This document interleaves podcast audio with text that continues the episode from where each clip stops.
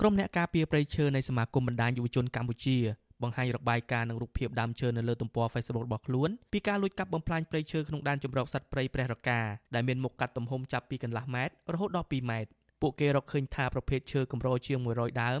ដែលត្រូវបានគេកាប់បំផ្លាញភាគច្រើនជាដើមស្ទៀងសុក្រំឈើទាលដងចែមពពែលផ្ដៀកត្រាច់ត្រសេកនិងកកោះស្ថិតក្នុងស្រុកឆែបខេត្តព្រះវិហារ មន្ត្រីជាន់ខ្ពស់នៃប្រព័ន្ធផ្សព្វផ្សាយនៃសមាគមបណ្ដាញយុវជនកម្ពុជាលោកម៉ាចត្រាប្រាប់អាស៊ីសេរីនៅថ្ងៃទី27ខែមេសាថាបទល្មើសព្រៃឈើនៅតំបន់ចម្រុកសត្វព្រៃព្រះរកានៅតែកើតឡើងកាន់តែច្រើនពីមួយពេលទៅមួយពេលដែលបង្ហាញថាអាជ្ញាធរមិនមានសមត្ថភាពអាចការពារព្រៃឈើក្នុងតំបន់នោះបាននោះទេលោកមើលឃើញថាគណៈដែលមន្ទីរបរិស្ថានខេត្តព្រះវិហារមិនអាចទប់ស្កាត់បទល្មើសទាំងនោះអាជ្ញាធរថែមទាំងចេញមកហាមឃាត់ក្រុមយុវជននិងនិស្សិត ដែលចុះទៅសិក្សានិងស៊ើបអង្កេតបទល្មើសព្រៃឈើនៅតំបន់នោះមិនឲ្យចូលល្បាតព្រៃថែមទៀតផងលោកយល់ថាចំណាត់ការរបៀបនេះគឺរឹតតែធ្វើឲ្យក្រុមឈ្មួញទុច្ចរិតសប្បាយចិត្តនិងបន្តសកម្មភាពកាប់បំផ្លាញព្រៃឈើក្នុងតំបន់នោះកាន់តែខ្លាំងឡើងខ្ញុំគិតថាមានតែការបើកចំហឲ្យសាធារណជនក៏ដូចជាសកម្មជននឹងអាចចុះល្បាតវិញដោយសេរីហើយក្រសួងខ្លួនឯងផ្ទាល់ឲ្យប្រកាស ថា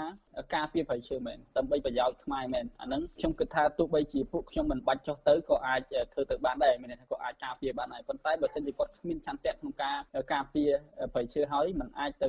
ការពារប្រៃឈើនឹងបានទេវាមិនខុសអីពីភាសាមួយគេនិយាយថា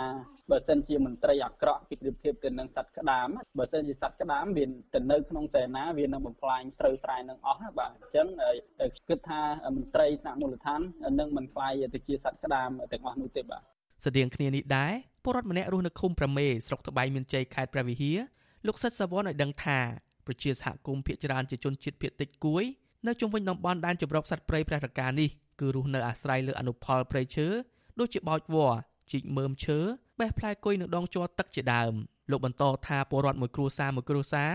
អាចរកចំណូលពីការបេះផ្លែគុយបានពី2លានរៀលទៅ3លានរៀលក្នុងមួយឆ្នាំ ចំណែកគ្រួសារខ្លះទៀតរកជ័រទឹកអាចប្រមូលជ័រទឹកចន្លោះពី5កានទៅ10កានដោយតម្លៃក្នុងមួយកានលក់បានចន្លោះពី80000រៀលទៅ100,000រៀលលោកសង្កេតឃើញថាអាញាធរហាក់មិនសូវចេញសកម្មភាពចុះទប់ស្កាត់ក្រុមឈ្មួញចូលកាប់ព្រៃឈើក្នុងតំបន់ព្រៃការពារប៉ុន្មានទេដោយបណ្ដោយឲ្យបាត់ល្មើសព្រៃឈើមានជាបន្តបន្ទាប់ដែលធ្វើឲ្យប៉ះពាល់សេដ្ឋកិច្ចគ្រួសាររបស់ពលរដ្ឋដែលរស់នៅអាស្រ័យផលពីតំបន់អភិរក្សមួយនេះ ចង់ឲ្យអាជ្ញាធរដែលមានវិធានការទប់ស្កាត់បាត់ល្មើសព្រៃឈើឲ្យបានមុតមមហើយបានថាជាក់ស្ដែងមែនគឺយើងត្រូវធ្វើយ៉ាងម៉េចគឺរវិធីសាស្ត្រ ដើម្បីទប់ស្កាត់ការកាប់បំផ្លាញព្រៃឈើគឺបាទអ្នកដែលកាប់ព្រៃឈើហ្នឹងគេនៅតែមានសិទ្ធិកាប់នៅតែមានក្នុងការអាចឈើហ្នឹងវាធ្វើរហូតតែម្ដងដូចជាអត់អត់មានការហាមឃាត់ឬក៏មានចំណាត់ការណាមួយដើម្បីឲ្យវាមានសិទ្ធិភាពសោះជាស្ដែងគឺនៅតែមានការកាប់អាជារៀងរហូតអញ្ចឹងវាដូចជាធូរលងចំពោះអ្នកដែលកាប់ព្រៃឈើនិងអ្នកដឹក លក់ឈើនិងយកព្រៃឈើហ្នឹងគឺប្រកបមករបរស៊ីរបស់ពួកគាត់គឺវាហាក់ដូចជាធូរលងមែនទែន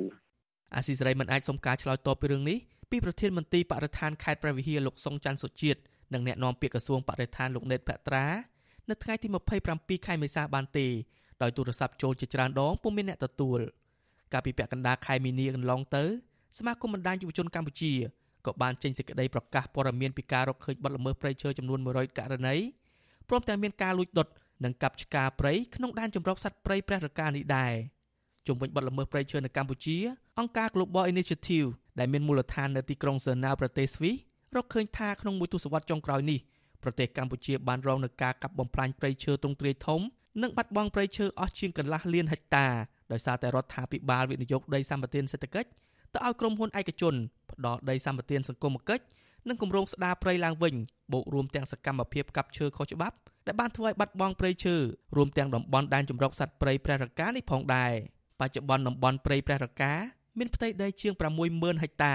ស្ថិតនៅភូមិសាស្ត្រប្រជុំ3ស្រុកគឺស្រុកជាំខ្សានស្រុកត្បៃមានជ័យនិងស្រុកឆែបរបស់ខេត្តព្រះវិហារដែលកំពុងរងការកាប់ឈើយកទៅជួញដូរខុសច្បាប់ជាច្រើនកន្លែងដោយមិនសូវមានការបង្ក្រាបឲ្យធំដុំនោះទេ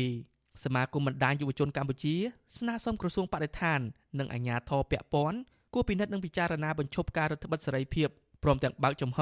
សម្រាប់សហគមន៍មូលដ្ឋានសកម្មជនស្រឡាញ់ព្រៃឈើអង្គការសង្គមស៊ីវិលនិងសាធារណជនទូទៅអាចចូលរួមក្នុងការល្បាត ការពារអភិរក្សនិងថែរក្សាព្រៃឈើស្របទៅតាមបញ្ញត្តិស្តីពីសិទ្ធិនិងករណីកិច្ចរបស់ពលរដ្ឋដោយមានចែងក្នុងមាត្រា35នៃរដ្ឋធម្មនុញ្ញនិងមាត្រា29នៃច្បាប់ស្តីពីតំបន់ការពារធម្មជាតិ ដែលបានធានានៅករណីកិច្ចរបស់សាធារណជនគ្រប់រូបនៅក្នុងកិច្ចការពារធនធានធម្មជាតិដើម្បីចូលរួមការពារព្រៃឈើឲ្យបានគង់វង្សខ្ញុំបាទជាចំណានអាស៊ីសេរីពីរដ្ឋធានី Washington